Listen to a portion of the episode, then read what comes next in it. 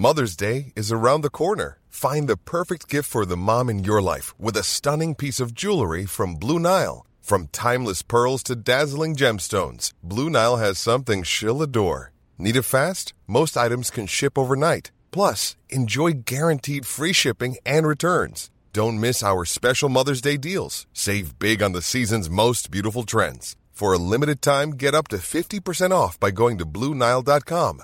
That's BlueNile.com. Hey, I'm Ryan Reynolds. At Mint Mobile, we like to do the opposite of what Big Wireless does. They charge you a lot, we charge you a little. So naturally, when they announced they'd be raising their prices due to inflation, we decided to deflate our prices due to not hating you.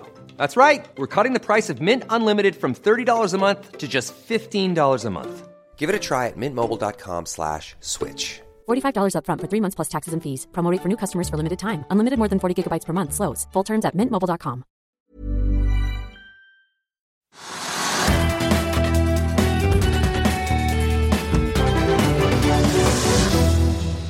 En riktig god ettermiddag alle sammen, og velkommen til Økonominyhetene. Kalenderen viser 10, tirsdag 10. oktober. Og mens Hamas nå truer med nye angrep og ber innbyggerne i israelske Ashkelon forlate hjemmene sine, så er det flere ting som også preger nyhetsbildet enn krigen i Midtøsten. Toppsjefen i Statkraft går av, den norske inflasjonen faller, og vi kan ha sett den siste renteøkningen her i landet. Og det er rykter som sender Røkkes verftsaksje i USA kraftig opp. La oss titte litt på markedet akkurat nå på ettermiddagen ettermiddagen. Wall Street endte jo opp rundt halvprosenten i går. Futuresene peker mot en ganske nøytral start eh, nå om en snau times tid, idet markedet altså fordøyer pakken av veldig gode jobbtall som kom på fredag ettermiddag fra USA, kombinert da selvfølgelig med angrepene på Israel i helgen, som nå har utløst en full krig. I Asia så har vi også sett indeksene peke oppover i dag, særlig Nikkei i Tokyo utmerket seg jo med en veldig sterk oppgang. Hovedindeksen her hjemme har klatret jevnt og trutt oppover fra start, ligger nå opp en 0,9% til 12,91, så vi snuser jo på den litt symbolske 1300-poengsgrensen da. I går steg hovedindeksen 2,3% til 12,80, og den forrige gangen vi så 1300, i hvert fall på sluttkursen, i hvert fall, var da den 20. september. Aksjer innen olje og forsvar gjorde det veldig bra i går etter de dramatiske nyhetene fra Israel. Jeg nevner i fleng Equinor som steg over 5,5% ExxonMobil over 3 Aker BP over 6% og Chevron, Eni, Shell og BP steg også alle sammen 2-3 Aker Solutions og Seadrill var opp rundt 3 begge to. Og i dag ser vi at Equinor og flere oljeaksjer fortsetter å tikke oppover som følge av uroen i eh, markedet. Equinor opp en drøy prosent nå i dag. Aker BP opp 1,3 og Energi opp 1,8. Ser vi på forsvarssektoren, så steg både Kitron og Kongsberg Gruppen i går.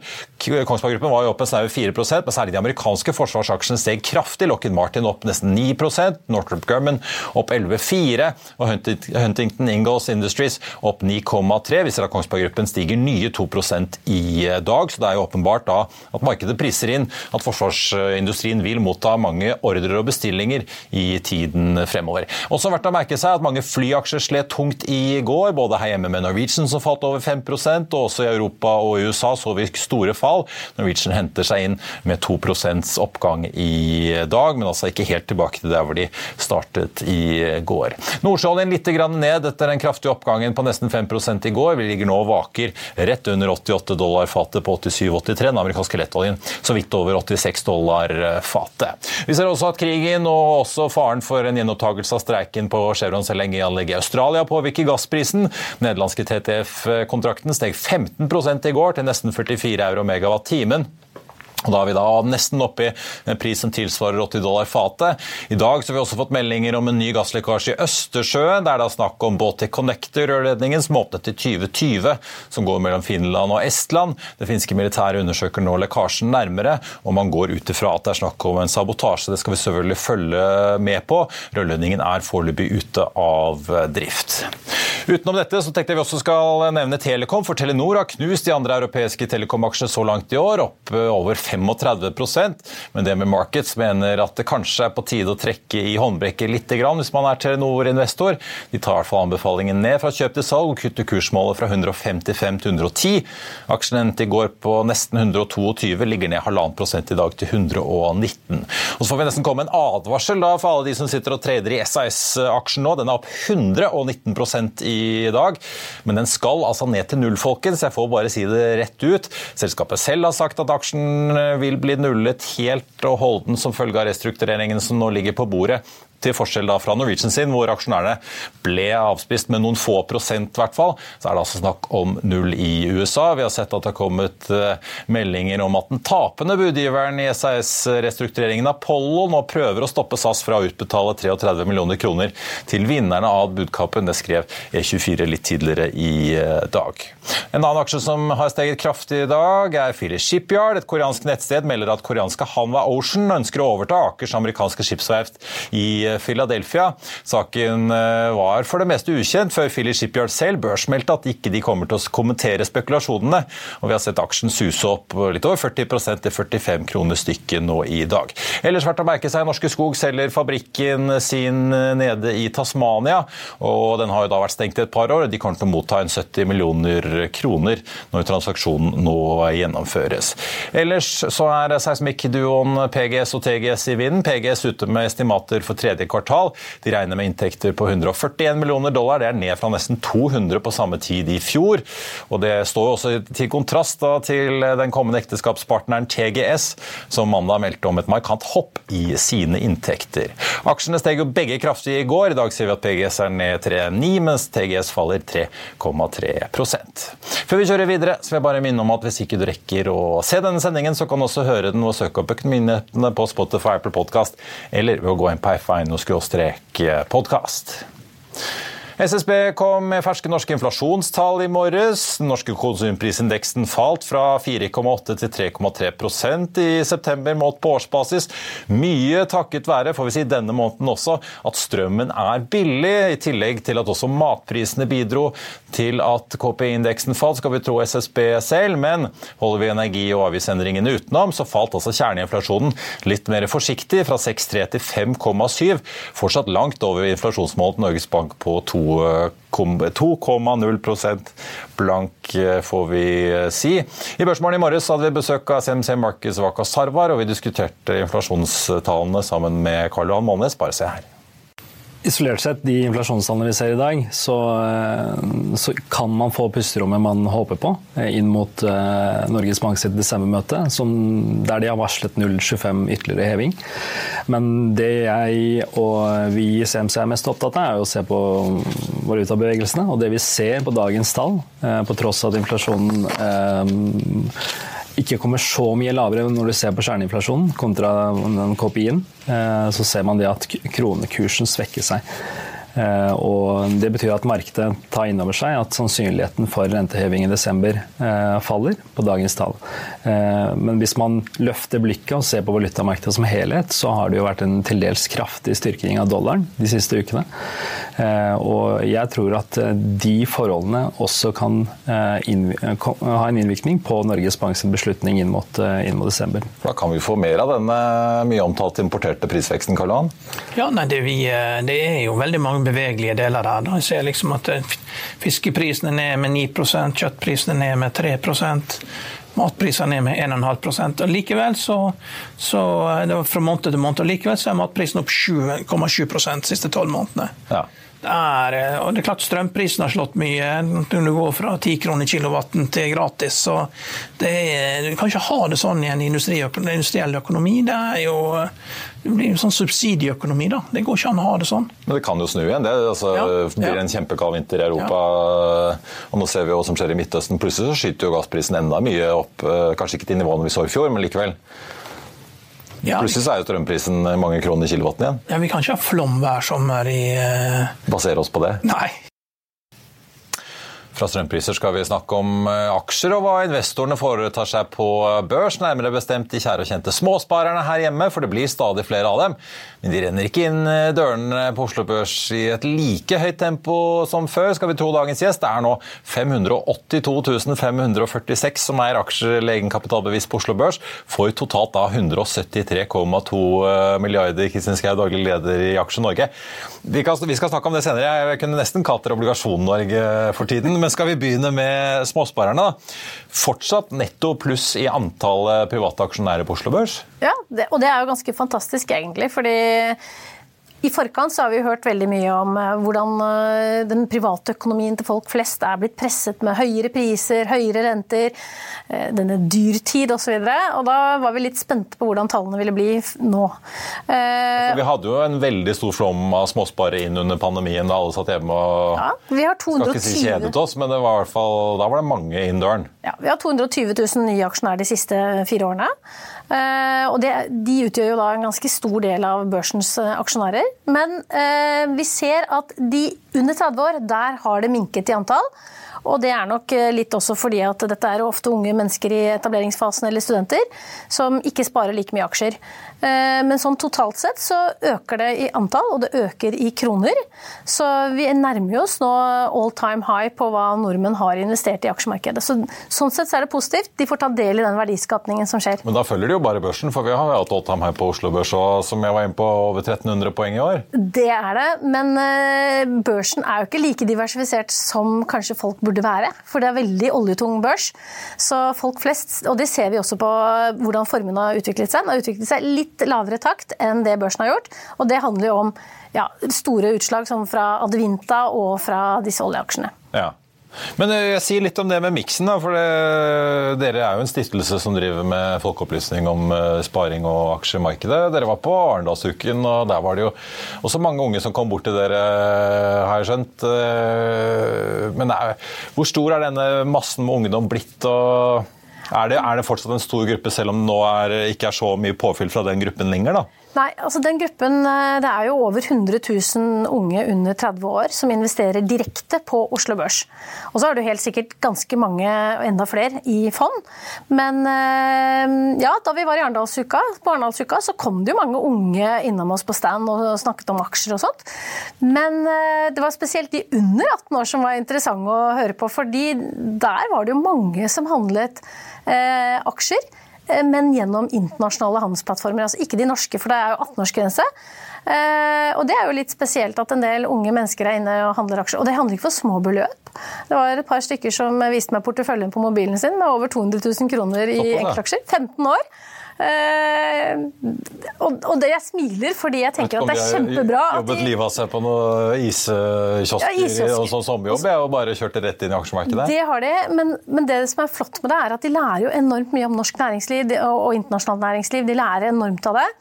Det jeg er mer usikker på, er hvor trygge disse internasjonale handelsplattformene er for dem i det øyeblikket de skal ha ut pengene. For de er fortsatt under 18 år, og, og det står et eller annet sted inne i betingelsen at du skal jo helst ikke være under 18 år for å ha tilgang til plattformen. Og foreldrene deres engasjerer seg ikke i dette, har jeg lagt merke til med de unge jeg har snakket med. For de får lov å holde på som de vil, men de har ikke peiling på skatt eller skattemelding. Så det er litt læring igjen, men det er positivt å se at unge mennesker har stor interesse for aksjemarkedet og, og det som skjer. Det er jo nyhetsbildet vårt òg, så det er samfunns, ja, de blir samfunnsorienterte, rett og slett. Men er du bekymret for at de si, kan spille bort eh, pengene eller gå på store smeller nå? Da? Nå har vi jo hatt en veldig sånn vekst- og grønnbølge på børsen som kom eh, deisende ned. Oljeaksjene har gjort det veldig bra den siste tiden, men vi ser jo nå ny uro. Så får vi jo se om eh, renteskruen til Federal Reserve og de andre etter hvert får kjølet, kjølende ting ned. Men det kan jo fort snu òg, for disse som I hvert fall hvis de setter pengene i litt færre aksjer som kanskje er litt mer volatile og som er mer spennende å sette pengene i enn litt sånne trauste, stabile selskaper? Absolutt. Altså, faren er at de taper alt de har investert, eh, fordi de tar såpass store bet. Men samtidig så tenker jeg at dette er nok ikke eh, det de lever av, mange av disse unge menneskene. Eh, har, de har ikke gått inn med levekostnadene sine. Eh, dette er noe de gjør ved siden av. Eh, men det positive er at de bygger gode sparevaner for, eh, for fremtiden. De får erfaring. Og, men ja, det er jo en fare for at de kan tape mye penger, det vet de. men vi ser jo da nettopp fordi mange fortsatt er i aksjemarkedet, så har de eh, kanskje andre penger til de dagligdagse tingene, og at investeringene holder de for seg. Og det, det er jo positivt, fordi vi sier jo at for å få avkastning i aksjemarkedet, så må du være langsiktig. Ja. Og det er vel egentlig ikke at man skal begynne når man er 15, men man burde Nei. jo uh, egentlig begynne i 20-årene sånn i det små da, for å sitte med en god slump ja. igjen når man skal bli godt voksen og pensjonist. Absolutt, og, men jeg tror dette er også litt livsstil. Dette er noe de syns er superspennende og interessant. Eh, det er noe som skjer. For noen så er dette sikkert et alternativ eller noe i tillegg til gaming. Men eh, så sånn sett så er det jo skummelt, fordi aksjemarkedet er jo ikke noe gamingsone. Her er det jo investeringer Selv om det kan virke sånn hvis man ser på disse GameStop-filmene og dokumentarene dokumentarene som har kommet i det siste om hele den uh, Absolutt. Og når du forteller Hele det sirkuset som det jo var. Ja, og når du ser også dette med SAS-aksjen som handles uh, enormt, eh, og det er et selskap som selv sier dette skal gå i null, så kan man jo bli Jeg pleier jo ikke å anbefale folk det ene eller det andre, sånn sett, men her kan jeg faktisk si at dette her kommer jo til å bli null niks De har lovet det. Dette er jo storleken, og den som ikke har en stol, blir sittende med null. Ja, Så her er det nok noen som er inne og handler for å rett og slett spekulere. Eh, og det er greit nok, men de som kjøper det for å tro at de redder selskapet, sånn som det var eh, snakk om for noen år siden med Norwegian, så var det mange som ringte Aksje Norge og spurte om de skulle kjøpe Norwegian-aksjen for å redde selskapet under pandemien. Eh, det var litt spesielt. Så sa jeg at eh, da må de, de er medeiere, de må lese nyheter, de må forstå hva det betyr når de henter inn nye penger, når de øker låneopptak osv. Eh, og det er nok utfordringen med de unge. De, de holder på med helt andre ting på dagtid. De skal være på skolen og følge med. De skal ikke sitte og trede enkeltaksjer. Det hørtes litt moderlig ut, men, men det handler jo litt også med at er du investert i aksjemarkedet, så skal du følge med. Du har jo mange nyheter her som du presenterer hver eneste dag, med kapitalutvidelser og endringer i ledelsen. Jeg klarer jo ikke å følge med på alt omtrent uh, alltid. ja. Ikke sant? Så, innrømme, ja. så derfor er det jo skummelt at de, hvis de putter veldig stor del av pengene sine inn i enkeltaksjer. Men uh, vi ser jo at de, de begynner også å bli flinkere til å ha flere ulike aksjer, og det er spesielt de yngre som er det. Men er det, sitter de fortsatt og setter pengene i krypto og altså, alle mulige typer investeringer, ikke bare aksjer? Det vil jeg nok tro. Jeg har ikke noe, og... ja, det vil jeg nok tro, men jeg har ikke noe statistikk på det. Men eh, jeg er jo ute i når du skolen. Er med ja. det? Hva, hva får du liksom følelsen av når du snakker med dem? Eh, det er en del unge som har Det er stadig flere som handler krypto. Det merker jeg når jeg spør om eh, er det noen som handler aksjer her, eller har aksjer eller fond, og så er det krypto. Alltid stadig flere. Men eh, når jeg var på en høyskole i går og var gjesteforeleser og hadde håndsopprekning, så ble jeg ganske positivt overrasket når jeg så at 50% av studentene faktisk er investert i aksjemarkedet. Og det har jeg aldri opplevd før. Altså, var du hos Sivøk-studentene da, eller var du jeg var i en liksom finansklasse. Ja, okay. to finansklasser. Der er det vel, eh, De bør vel ha en VPS-konto, holdt jeg på å si? Ja. De burde ha det som, for å lære litt.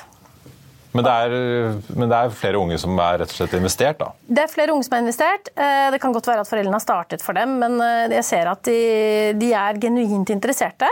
Eh, og dette er jo våre fremtidige arbeidsplasser og det vi skal leve av i Norge eller internasjonalt, så det er jo positivt sånn sett at de er veldig interesserte. Og forhåpentligvis våre lyttere og seere, får jeg ta med. Ja, ikke sant?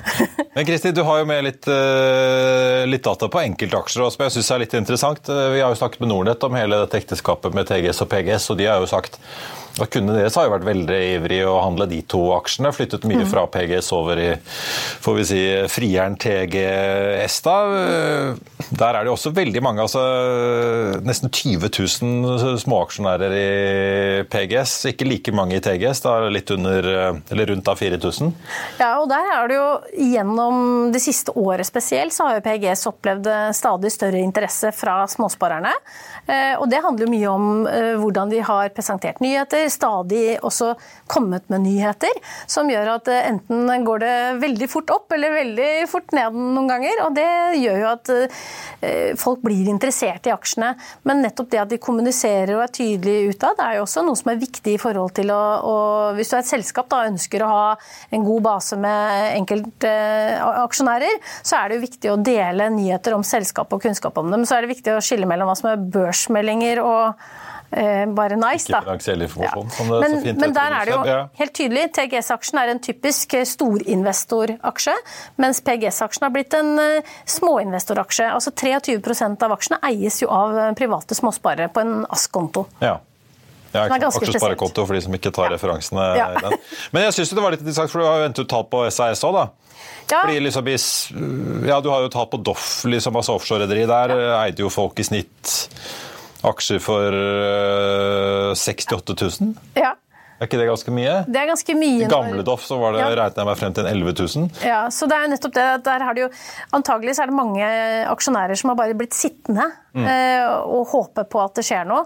Men vi så jo at eh, når nye Doff gjenoppsto, så fikk de jo veldig mange av de gamle aksjonærene med seg, men langt ifra like mange. Under halvparten. Ja. Så, så det er nok noen som eh, skyr Du blir sittende med de med litt større portefølje, kanskje? ja, gjerne de som har det. Og, og, og dette er jo typisk aksjer som vi ser at uh, ofte folk uh, i Rogaland kanskje er store aksjonærer i. Vi ser jo det når vi har aksjekvelder i Rogaland, så er det typisk en av aksjene som folk snakker om, og veldig mange av disse oljerelaterte oljeserviceaksjene. Så De gjør seg bra på, på gullkysten. Ja, for SAS-aksjen der er jo folk i snitt av aksjer for 2400. Ja. Men det det er jo penger, det òg, men det er jo lommepenger å regne i forhold. så det er, Da får man jo litt mer inntrykk av at dette er eh, folk som eh, i stedet for å gå på et pokerlag med gutta som kanskje tar litt av, så setter de hele et par tusen kroner i Men det er nok bare et fåtall. For å ha som har- det litt gøy. Ja. Ja, det er nok bare et fåtall som har gått inn med så små beløp. Ja. Eh, De fleste har nok vært med på en eh, litt eh, trist reise her, hvor aksjekursen har bare falt og falt. Så de sitter igjen med 2000 Så de sitter igjen med 2000, ja. Ja. Og ikke av det at de faktisk har gått inn med så små beløp. Så her er det mange som har gått på store tap, både i Doff og i SAS. Og det er jo litt sånn problem med private investorer. De blir ofte sittende lenge på tapene sine. Går fra håp, fra, fra å tro på selskapet til å håpe. Eh, mens vi er veldig kjappe med å ta gevinsten, så her må vi skjerpe oss litt. Vi må ha, ha litt tydeligere mål for når vi setter grenser for å ta tapene. Ja, og Man skal jo vite litt hva, man, eh, hva som er hva òg, fordi at Doff har jo vært gjennom en restrukturering. Ja. så Kjøper du Doff i dag, så får du jo det restrukturerte Doff. Som, så kan man jo mene hva man vil om utsiktene der, men det, de har i hvert fall kvittet seg med en, en del gjeld. SAS-aksjen har jo ikke det ennå, selv om planen er annonsert og Mm. man vet hva som kommer. Så er jo SAS-aksjen i dag pre-restrukturering. Ja. Ja. Så hvis du er nybegynner, så skal du absolutt ikke gå i den type aksjer som er i store endringer, og hvor det kommer veldig mange positive og negative nyheter om hverandre. Det kanskje heller gjør som folk flest. Eh, Og det er å velge de største selskapene på børsen. Kristin, til slutt skal vi snakke litt om obligasjoner. for det, det, I og med at dere driver folkeopplysning, så antar jeg dere snakker om det, og selv om dere heter Aksje Norge. Ja, Dere kunne jo kanskje, gjør det. dere kunne jo døpt om til Kombinert Norge snart, hvis dere skal lære opp folk eh, om begge deler. Men problemet er jo ikke at nordmenn eh, tar for, lav, altså for, tar for høy risiko egentlig på sparepengene. Folk flest investerer veldig mye i eh, lav risiko Bolig. I, i bolig eh, som egentlig ikke er en investering, for du bor jo, må jo bo et sted. Men eh, nettopp det at du investerer i obligasjoner eller kombinasjonsfond eh, med lav aksjeandel, eller typisk har det på bankkonto, det gjør jo at pengene vokser fryktelig sakte i forhold til hvis eh, du hadde investert mer i aksjemarkedet.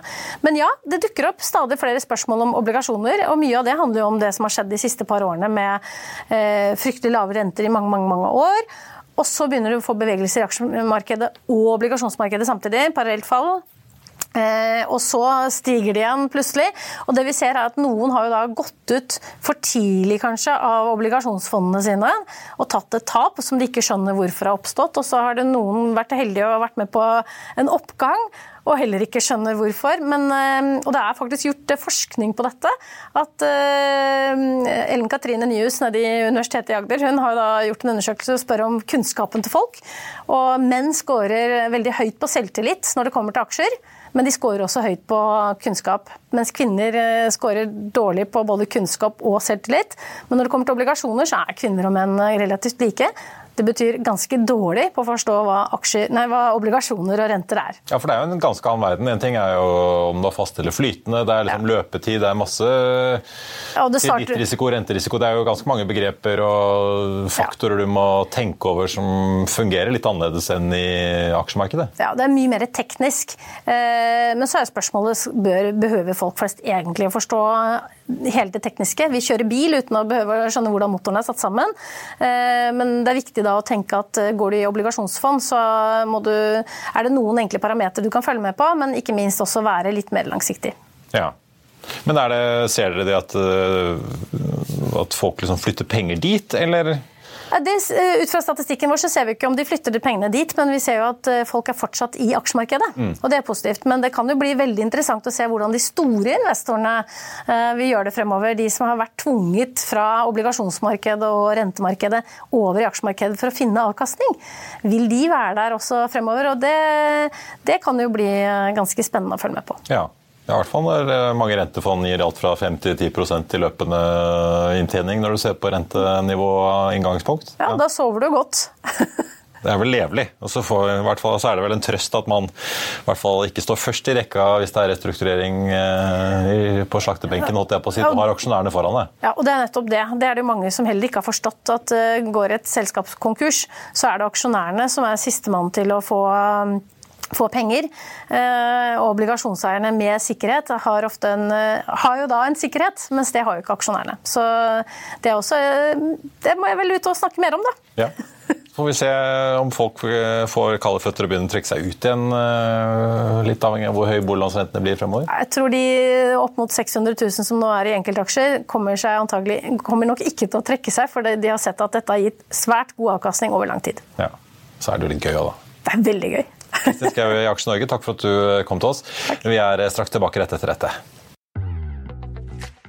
Vil du bli oppdatert på det viktigste som har skjedd innen finans og næringsliv? Da er det bare å følge med, for hver morgen er jeg, Marius Lorentzen og aksjekommentator Karl Johan Malnes på plass i studio for å ta tempen på dagens marked i Børsmorgen. Og hver ettermiddag oppsummerer vi alt du trenger å vite i økonominyhetene, og det blir selvfølgelig masse interessante gjester.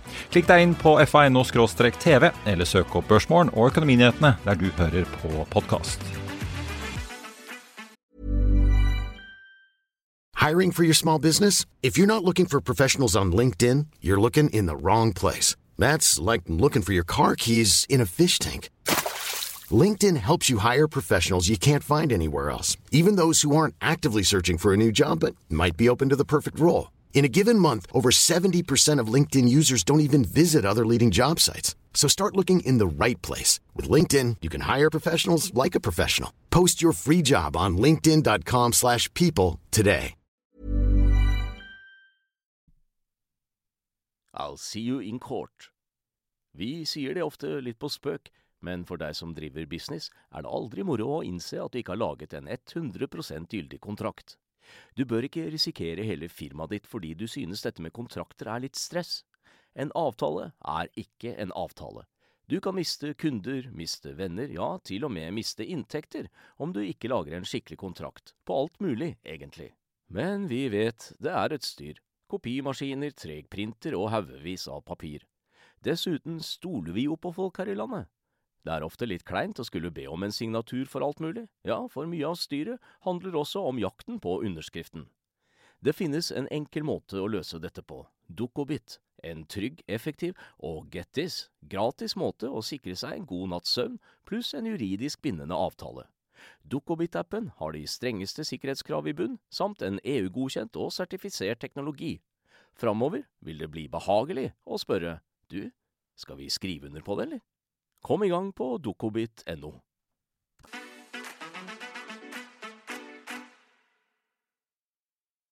Velkommen tilbake. På tappen av sendingen så tenkte jeg bare å gå over litt av markedsutviklingen nå idet vi er i ferd med å nærme oss slutten av sendingen. Novenex på Oslo Børs opp 0,8 til 12,90. 90-88 nå, så da får vi kanskje ikke se 1300 i dag. Vi har jo sett nesten 1295 litt uh, tidligere, uh, men vi skal selvfølgelig holde et øye med det utover uken også. Oljeprisen på 87,70 ned en halv prosent. Vi har jo da mistet noe av den oppgangen vi så i uh, går. Vi ser at oljeaksjene som Equinor og Frontline er de mest omsatte i dag, begge opp mellom 1 og 2,5% PGS også mye omsatt, selv om de da faller en god del etter oppdatering på kvartalet.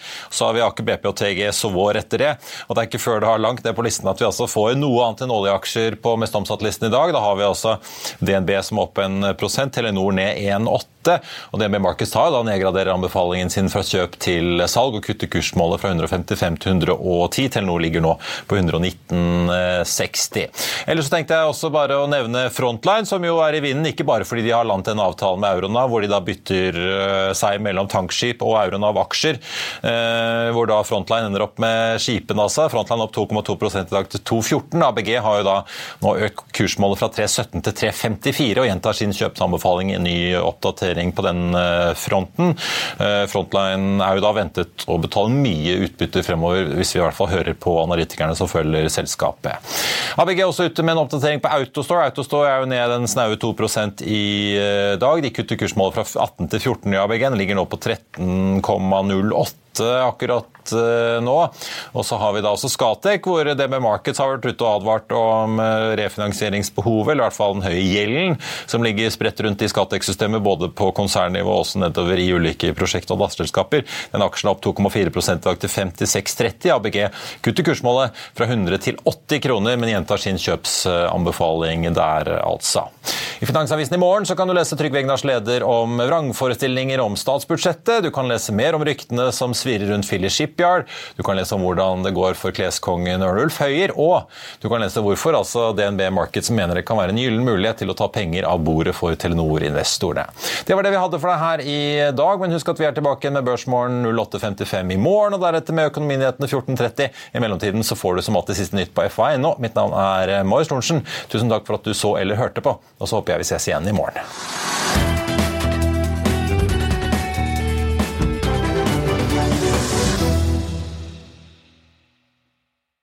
Økonominyhetene er en podkast fra Finansavisen. Programledere er Marius Lorentzen, Stein Ove Haugen og Benedikte Storm Bamvik.